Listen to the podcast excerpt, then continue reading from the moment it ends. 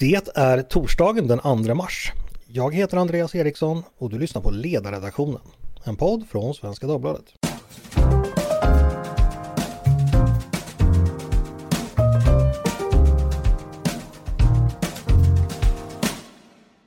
Varmt välkomna hörni! Så här är det att varje gång jag går till affären och ska handla mat då kan jag konstatera att allt bara blir dyrare. Och det beror inte bara på att jag blivit gammal och gnällig och har två snabbt växande och krävande barn. Utan matpriserna har ju faktiskt i verkligheten som bekant stigit rejält det senaste året. Det här är någonting det har pratats mycket om och det har även nått politiken. Vi minns väl alla med eh, viss förfäran Ebba Busch falukorv från valrörelsen när hon ville illustrera detta. Men varför har då maten blivit så dyr?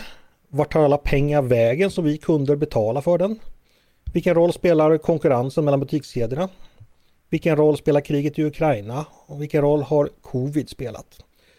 Och vad kan vi förvänta oss framöver? Eh, det tänkte jag vi skulle diskutera i dagens podd. Och med mig för att göra det har jag två gäster. Den första heter Karin Brunell och hon är VD för Svensk dagligvaruhandel. Välkommen hit Karin! Tack! Och så har vi med oss Christian Jörgensen som är utredare på Institutet för livsmedelsekonomisk analys vid Lunds universitet. Välkommen du också Christian. Tack så mycket.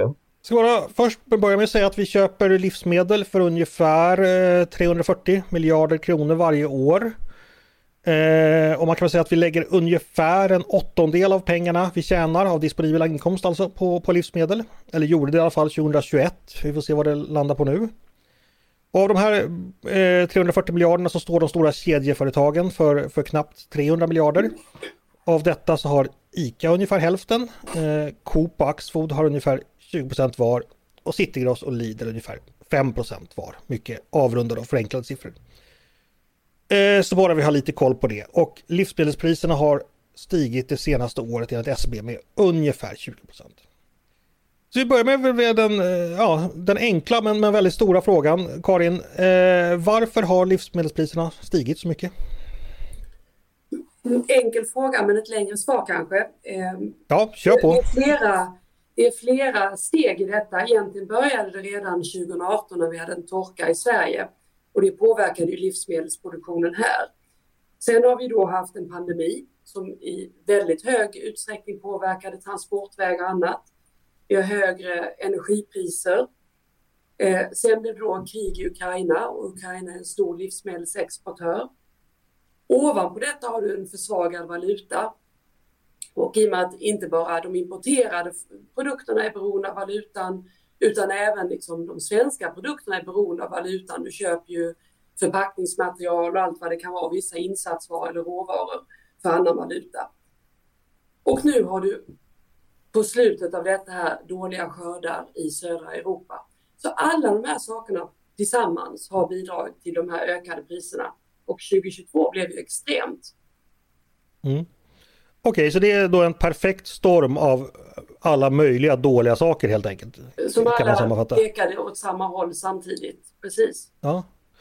Men okej, om vi vill börja eh, nysta upp det här lite då. Eh, pandemin, vad eh, ledde den? Varför gjorde den att livsmedelspriserna blev högre i Sverige? Framförallt blev transporter extremt dyrt.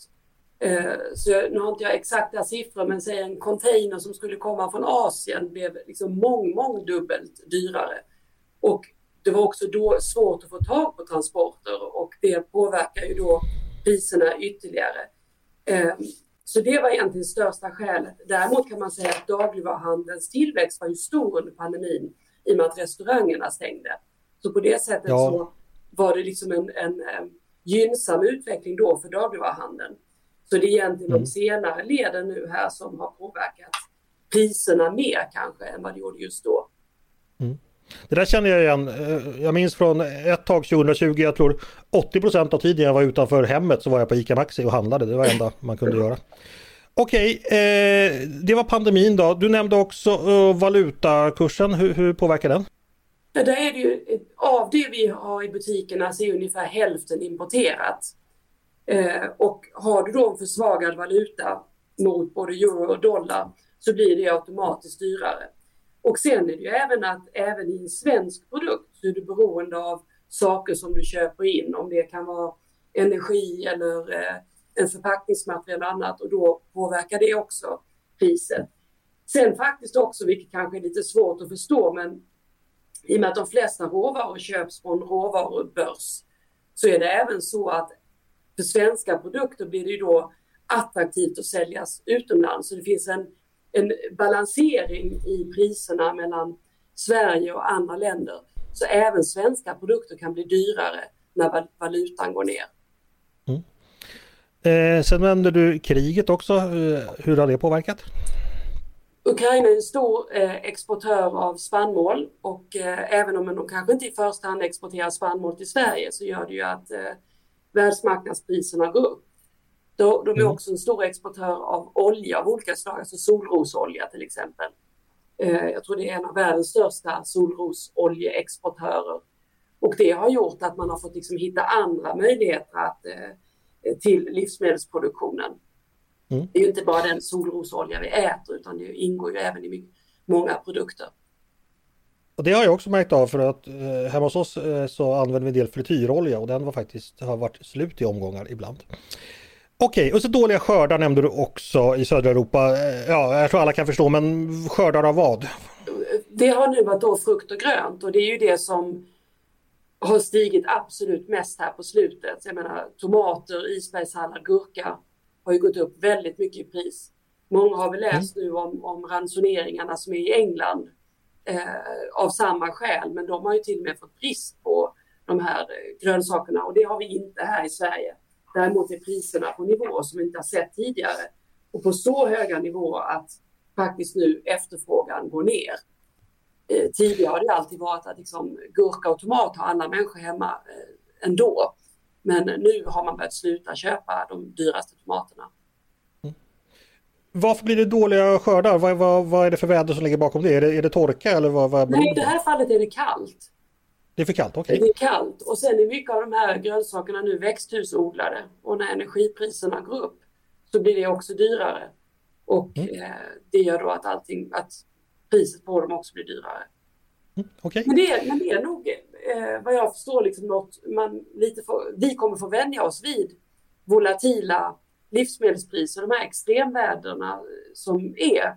Oavsett om det nu är just nu här i Spanien. För två år sedan var det ju tomaterna i Italien som drabbades. Det har varit dåliga kaffeskördar för något år sedan i Brasilien.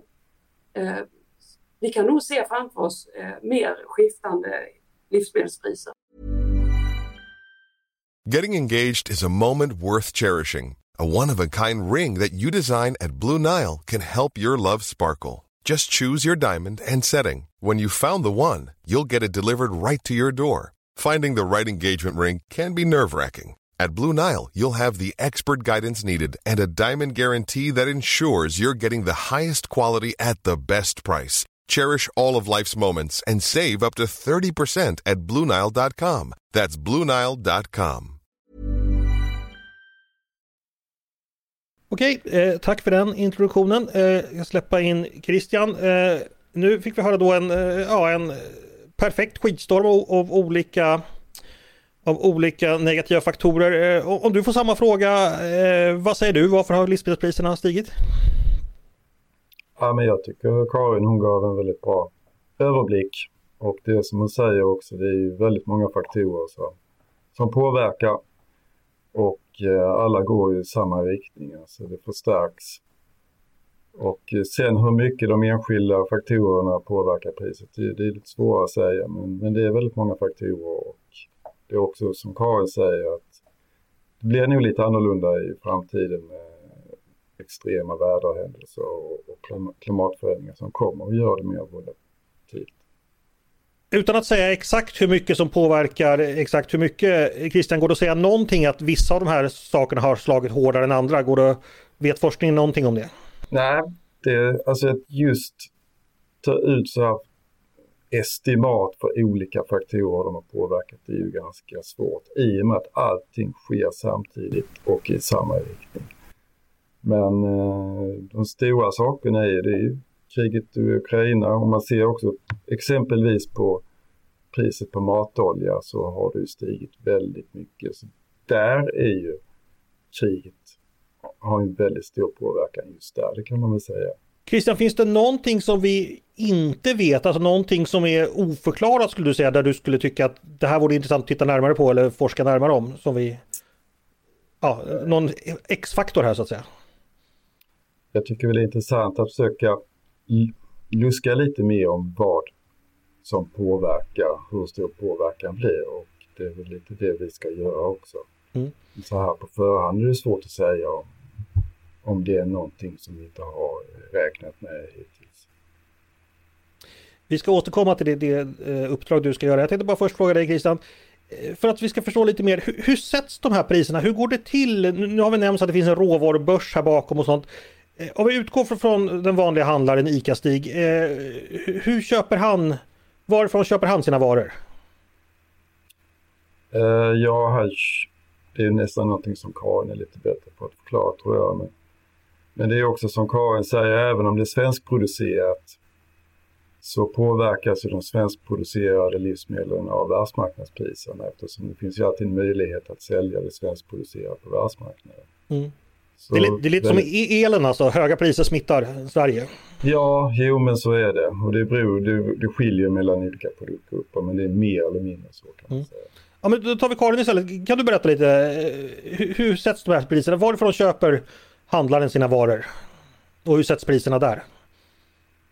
Att de, I de stora kategorierna så har du ju väldigt stora leverantörer också så att om, låt oss säga inom mejeri, så köper ju då man på central nivå eller gör ett avtal på central nivå för mejeriprodukter som går till en grossist och sen bestämmer då handlaren själv liksom vilket sortiment man vill ha i sin butik och så får man ut det till ett visst pris. Sen kan ju handlaren köpa in själv från leverantörerna också och det är väldigt viktigt att komma ihåg för det är ju det som skapar också konkurrens i butiksledet både eh, sortimentsmässigt och prismässigt. Eh, I hela den här kedjan, glömde jag nämna tidigare, så har du också liksom kostnaderna i själva butiksledet. Så att råvarukostnaden, eller själva produktkostnaden som kommer in i butik är ju ungefär 60 procent av kostnaden för produkten. Sen tillkommer ju allt med eh, butikshyra och uppvärmning av butik och det är personal och det är säkerhetsfrågor och annat som till slut du ska ha en liten marginal på och sen sälja till kunden. Bara kopplat till vad vi pratade om innan där hur mycket slår olika saker. Och där är det ju också en förädlad produkt består ju av fler saker. Så till exempel köper du en, eh, ett bröd så är energikostnaden en stor del av det brödet för det har bakats.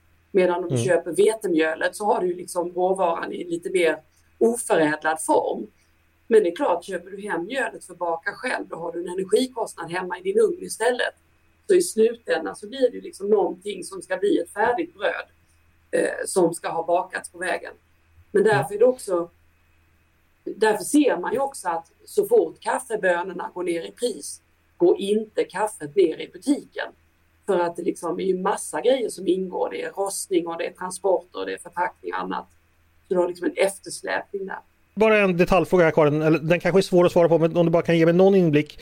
De här eh, leverantörerna, eh, alltså avtalen här, eh, avtalar man för längre tid att jag kommer sälja x antal kaffebönor till dig under ett års tid för y-pris? Eller är det mer en spotmarknad där man liksom priserna, alltså hur långa kontrakt brukar det vara? Går det att säga någonting om det?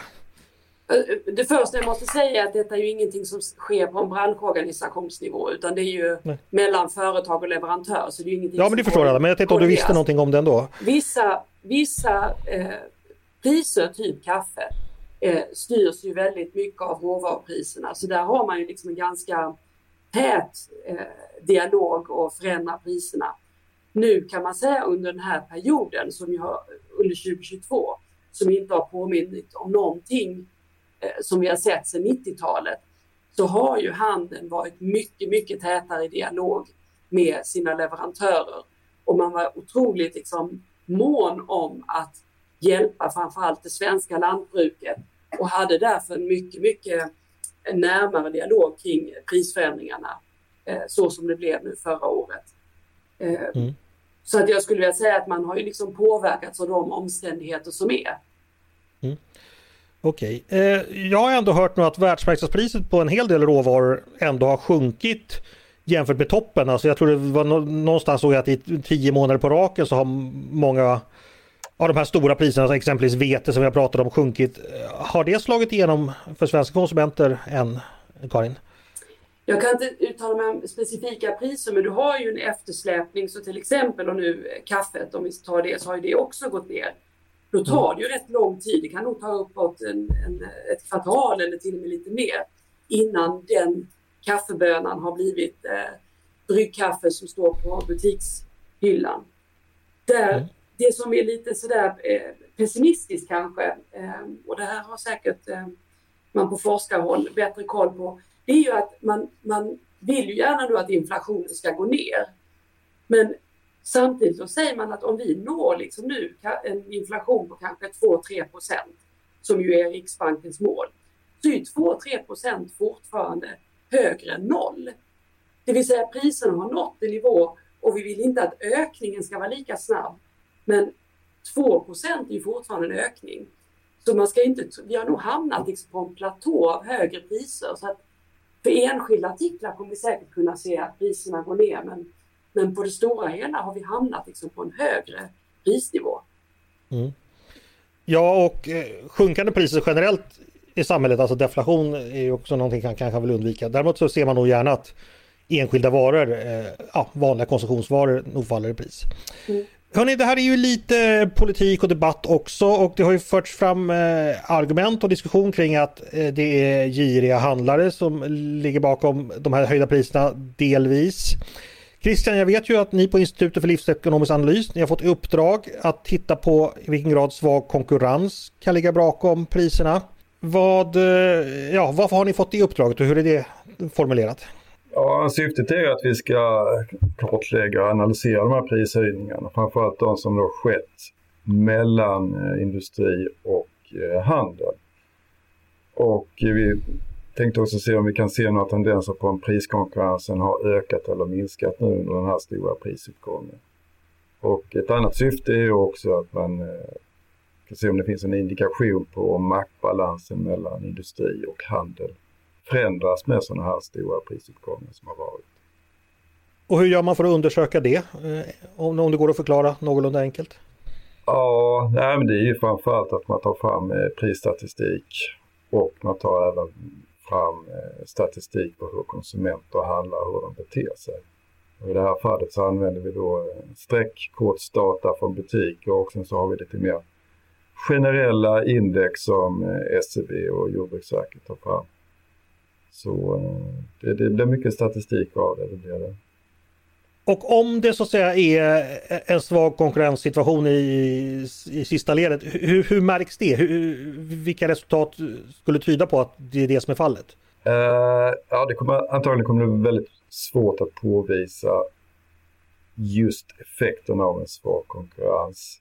Däremot så kanske man ändå kan se om och hur det har påverkat priset. Men man kan ändå försöka fånga om den här priskonkurrensen har förändrats eller inte. För en hög, högre priskonkurrens gör att konsumenter är mer rörliga mellan varor, de är mer rörliga mellan butikskedjor. Mm. De sätter mer press på hur handlare sätter priser och industri sätter priser. Så eh, det här skulle kunna öka konkurrensen i en sån här situation exempelvis. Om vi tittar lite bakåt eh, på vad vi vet om eh, just den här marknaden i Sverige. Eh, vet vi någonting hur konkurrenssituationen ser ut? Anses det råda en sund och bra konkurrens när det gäller livsmedel i Sverige, Christian? Ja, det är väl omdebatterat det där. Vi har ju en väldigt stark marknadskoncentration i Sverige och ICA har som sagt var halva marknaden. Det beror också lite på hur man ska förhålla sig till ICA, för ICA består också av enskilda handlare som äger en grossistfunktion. Så eh, det finns ju alltid på tapeten om eh, ICA egentligen är, i vilken utsträckning det är ett företag som eh, agerar eh, som ett företag eller om det ändå består av väldigt många företag. Mm. Men, eh, det är ju, men Sverige har en väldigt hög marknadskoncentration om man jämför med andra länder. Och det finns väl, och ett skäl är ju också att eh, Sverige ser ut som det gör. Det är en ganska liten marknad. Det är ett land där vi har stora transportavstånd och detta gör i sig också att man får en lite större maktkoncentration. Mm. Det är också ett sätt, stora företag, också ett sätt att utnyttja stordriftsfördelar. Och det i sig kan ju påverka konsumentpriserna positivt så tillvida att de blir lägre i och med att det blir mer en effektiv distribution. Mm. När kommer ni vara klara med det här uppdraget? När har ni ett svar? Ja, det är slutet av detta året. Mm. Så vi har inte riktigt kommit igång än. Spännande. Eh, Karin, jag hittade att du hade skrivit en, ett debattinlägg förra året där du, rubriken var Vi efterfrågar en mer nyanserad diskussion om matpriserna. Vad är det för fel på diskussionen som den har sett ut tycker du? Det som, jag vet inte exakt vilken artikel du relaterar till, men det som, som vi har reagerat på är att man har en väldigt, liksom, jag förstår att det finns ett stort intresse för livsmedelspriserna för det berör alla. Och alla har drabbats, och inte minst nu när man har andra ökade hushållsutgifter också. Men att vi tycker att man liksom på något vis särskiljer liksom livsmedelsbutikerna från andra typer av butiker. Att man tycker att ska verkligen livsmedelsbutikerna få lov att höja priset? Borde inte de hålla låga priser för att folk ska ha råd att köpa mat? Och butikerna konkurrerar ju med varandra. Vi har haft ett enormt volymtapp under 2022. Det vill säga konsumenterna köper mindre eller färre produkter och butikerna liksom kämpar med att ha kampanjer och andra erbjudanden för att ändå locka till sig kunderna. Men det finns liksom någon sorts underliggande känsla av att, att de här butikerna som är privata företag och investerar i sina verksamheter inte ska få lov att tjäna pengar. Eh, du har en genomsnittlig butik tjänar mellan 3 och 5 procents marginal. Och det är en lågmarginalbransch som bygger på att det är stora volymer. När man nu tappar i volym så tappar man kraftigt också liksom att det är väldigt svårt att upprätthålla sin marginal då. Mm. Och där tycker jag det finns liksom lite så dålig förståelse för eh, livsmedelsbutikerna som privata näringsidkare. Har de här marginalerna, har man kunnat se det att marginalerna har krympt i takt med att eh, ingångspriserna så att säga har blivit högre? Jag uttalar mig inte om enskilda medlemsföretag men absolut så har marginalerna påverkats och eh, det bekräftas också av enskilda handlare som eh, vi har mycket dialog med. Man kan också se väldigt tydligt att omsättningen i dagligvaruhandeln under 2022 har ju ökat betydligt mindre än inflationen. Det vill säga folk handlar billigare och färre produkter. Eh, mm. och, det ser, och, sen, och jag tycker egentligen jag tycker det är bra att nu Konkurrensverket gör den här studien. För de kommer säkert bekräfta det som eh, eh, Konjunkturinstitutet kom fram till i höstas eller som SCB redan visar att producentpriserna har gått upp betydligt mer än konsumentpriserna. Vilket är ju ett tecken på att du absorberar de här prishöjningarna i kedjan. Life is made up of many gorgeous moments. Cherish them all, big and small, with Blue Nile. Whether it's for yourself or a loved one, Blue Nile's unrivaled selection of expertly crafted fine jewelry and statement pieces help make all your moments sparkle. Blue Nile's experts are on hand to guide you, and their diamond guarantee ensures you get the highest quality at the best price. Celebrate a life well lived in the most radiant way and save up to 30% at BlueNile.com. That's BlueNile.com. Eh, Christian, eh, Karin säger att det här är en eh, bransch med låga marginaler, mellan 3 och 5 procent. Eh, hur står sig livsmedelsbranschens eller kedjornas marginaler jämfört med annan detaljhandel ungefär? Är, den, är, är det låga marginaler jämfört med annat? Uh Prispåslaget är väl lite lägre och ja, som sagt var marginaler per vara är väl kanske lite lägre i dagligvaruhandeln och livsmedelsbranschen. Men samtidigt så rör, de, rör det sig om väldigt stora volymer i dagligvaruhandeln. Eh, om man jämför med sällanköpshandel exempelvis. Så det är ganska svårt att jämföra på det viset för man har ett enormt flöde i en dagligvaruhandel mm. på ett annat sätt. Men jag tänker ändå Christian, eh, om man då pratar konkurrensen. Eh, vi som en gång i tiden läste mikroekonomi fick ju lära oss att alltså, den perfekta modellen av perfekt konkurrens. Det råder ju inte riktigt här för ofta så har man väl, man har sin butik som ligger nära och det är viss alternativkostnad förenat med att byta butik, man kanske måste åka, åka längre eller så finns det helt enkelt inte.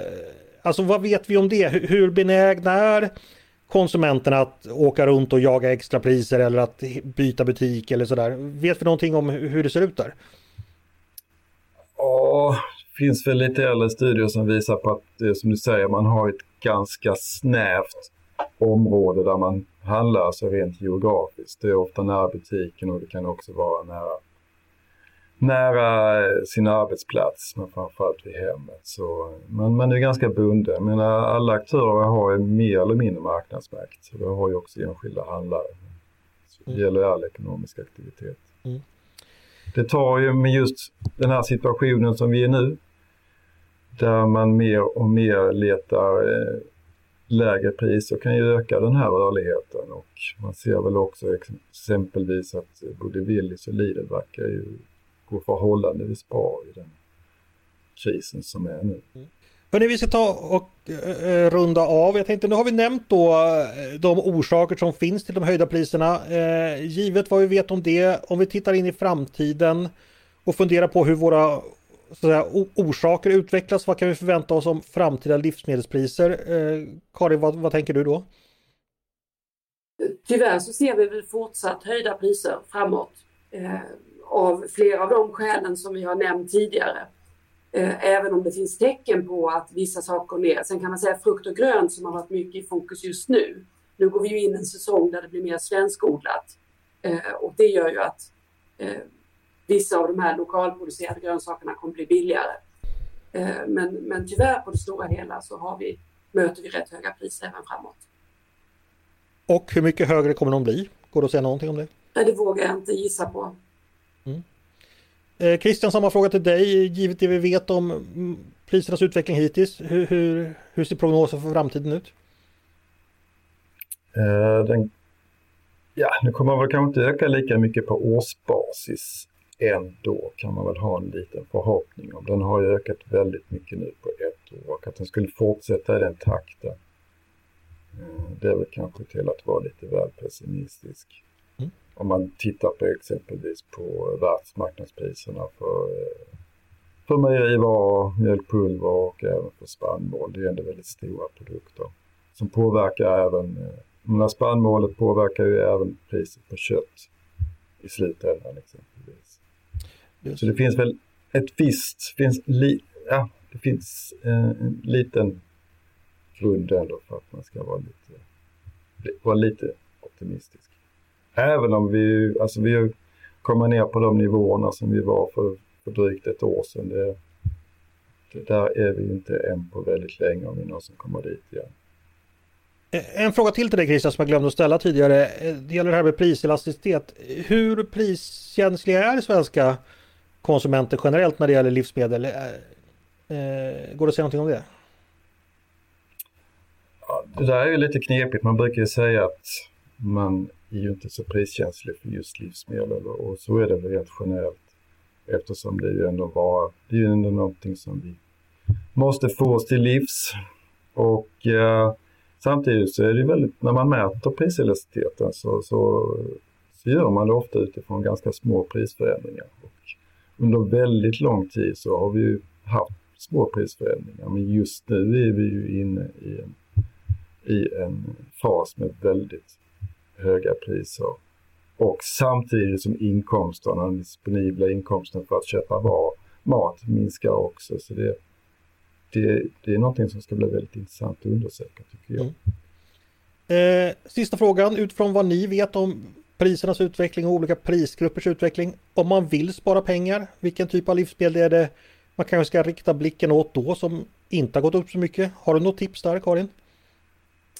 Det vi ser är att folk gör det, att de letar extrapris, alltså kampanjprodukter. Eh, det är mm. jättetydligt att man, att man har börjat med det.